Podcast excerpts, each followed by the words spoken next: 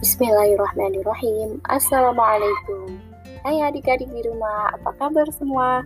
Selamat datang kembali di channel Kini Aku Tahu, edisi keanekaragaman hayati. Di episode yang ketiga ini, seperti biasa, kita akan mencari tahu tentang hewan dan tumbuhan.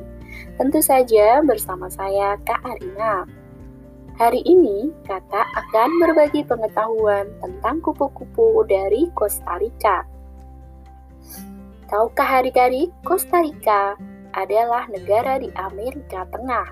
Ibu kotanya bernama Sanhu. Wah, jauh ya. Tapi kita tak perlu jauh-jauh datang ke Costa Rica. Adik-adik di rumah bisa mendatangkan kupu-kupu itu ke negeri kita loh. Karena ternyata kupu-kupu Costa Rica kini mulai dikirim ke berbagai taman botanik di seluruh dunia, seperti Amerika dan Rusia. Penasaran kan? Yuk kita cari tahu. Nah, adik-adik, di Costa Rica ada 15.000 jenis kupu-kupu lokal. Sangat banyak bukan? Ini karena Costa Rica dikenal sebagai salah satu pusat keanekaragaman hayati. Oleh karena itu, warga setempat tidak mau menyanyiakan begitu saja. Mereka menjaga hutan dan mengembangbiakan kupu-kupu, kemudian menjualnya. Wah, seperti beternak ayam saja ya.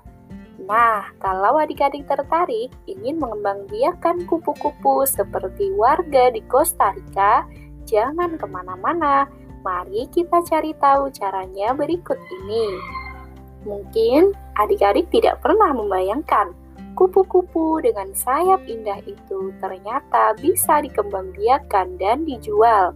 Tahukah adik-adik, kupu-kupu berkembang biak dari telur. Kupu-kupu berkembang biak dari telur menjadi larva, kemudian menjadi ulat, sampai akhirnya memiliki sayap dan terbang. Itulah yang dikatakan oleh Jenny Viquez. Ia adalah salah seorang pengembang biak kupu-kupu di Costa Rica.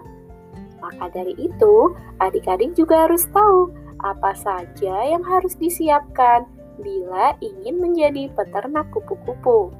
Untuk mengembangbiakan kupu-kupu, yang kita butuhkan adalah lahan yang luas. Itu karena kupu-kupu tergantung pada sejumlah besar tanaman. Apalagi setiap jenis kupu-kupu meletakkan telurnya pada jenis tanaman tertentu. Selain itu, kupu-kupu juga membutuhkan bunga-bunga yang mengandung nektar atau serbuk sari. Nektar adalah cairan manis yang dikeluarkan oleh tanaman, terutama di dalam bunga. Manfaat nektar adalah untuk mendorong penyerbukan oleh serangga dan hewan lainnya. Bagaimana adik-adik?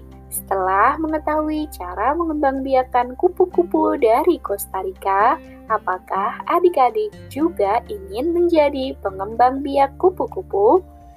Bila adik-adik ingin menjadi pengembang biak kupu-kupu, berarti adik-adik telah ikut berusaha menjaga kelestarian hutan dan menjaga populasi kupu-kupu agar tidak punah.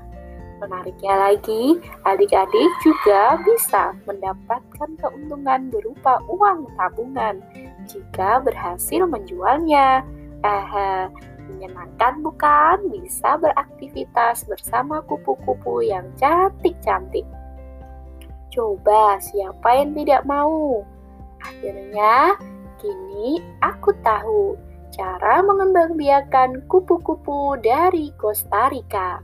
Tapi, buat adik-adik di rumah yang masih penasaran bagaimana cara mengirim kupu-kupu ke seluruh dunia, nantikan di episode mendatang ya. Karena sudah waktunya pamit, kakak ucapkan terima kasih sudah berkunjung di channel Kini Aku Tahu. Kita jumpa lagi di episode-episode berikutnya. Wassalamualaikum warahmatullahi wabarakatuh.